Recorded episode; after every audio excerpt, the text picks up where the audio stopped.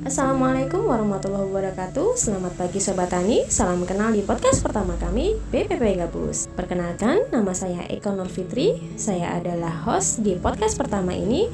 Dan di season 1 ini kita bakal ngobrolin soal profil BPP Gabus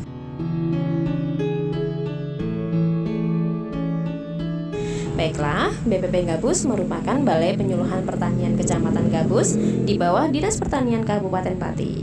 BPP Gabus ini berjarak 10 km ke selatan dari pusat pemerintahan Kabupaten Pati.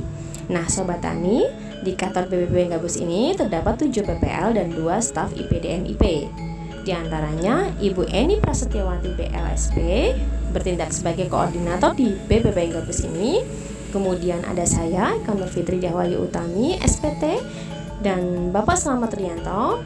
Kemudian ada Bapak Sunarto SP, Ibu Dwi Sismiati STP, Bapak Ami Akiari AMD, dan Ibu Sri Rupiati. Di mana satu PPL mendampingi 3 sampai 4 desa. Kemudian untuk staf IPDM IP ada Mas Agustiana Supakat Andika Putra STP dan Mas Indra Sasmito SP. Oke, itu tadi personil dari BPP Gabus ya, yang tentunya selalu siap mendampingi petani di lapangan. Sekarang kita bicara soal potensi nih.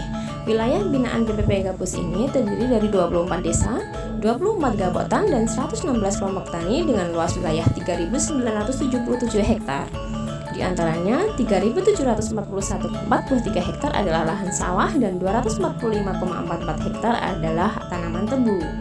Potensi terbesar di Kecamatan Gabus ini adalah tanaman padi dan kacang hijau, di mana capaian produksinya adalah 53.876 ton GKP per tahun dan 4.863 ton kacang hijau per tahun.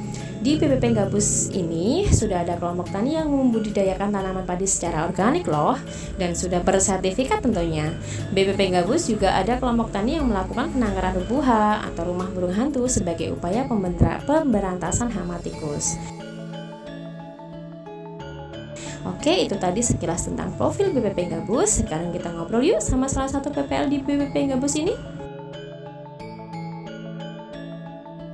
E, baiklah Sobat Tani, sekarang e, saya sedang bersama Ibu Eni Prasetyawati PLSP yang akan menjelaskan e, mengenai kelompok tani yang sudah bersertifikasi organik. E, baik Bu Eni, bisa Ibu jelaskan e, bagaimana awalnya kelompok e, ini bisa mendapatkan sertifikasi organik? Ya, terima kasih Mbak Eka. Jadi untuk di sendiri yang sudah bersertifikasi organik itu adalah kelompok Bancak uh, di desa Gabus jadi kelompok ini uh, sekitar tiga hektar lebih tiga hektar setengah ya dan sekarang untuk uh, Gabus sendiri yang mau disertifikasi ini mau ada sosialisasi sertifikasi dari provinsi adalah Gabuktan Usaha Jaya Desa Tambah Mulyo jadi sebelahnya Desa Gabus ini juga uh, insya Allah tahun ini mau ada sosialisasi itu luasannya sekitar 5 sampai 6 hektar uh, untuk khusus uh, Gapoktan Usaha Jaya Desa Tambah Mulyo dengan jumlah petani sekitar uh, 20 20 orang. Ya demikian Mbak Eka. Iya, jadi uh, untuk sekarang ini uh, sudah akan ada dua kelompok tani yang akan bersertifikasi organik, gitu ya Ibu ya? Ya, berat. E, kalau di Sambanca ini sudah e, tahun kedua e, mendapatkan sertifikasi organik dari Inovis.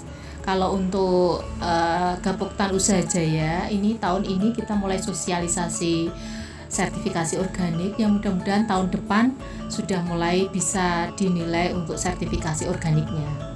Oh, jadi begitu. Oke, terima kasih Bu Eni selaku koordinator BPP Gabus atas uh, penjelasan dan paparannya mengenai kelompok tani yang sudah bersertifikasi organik. Penasaran dengan season berikutnya? Oke, kita saksikan season selanjutnya di perjumpaan kita selanjutnya, sobat tani. Terima kasih. Wassalamualaikum warahmatullahi wabarakatuh.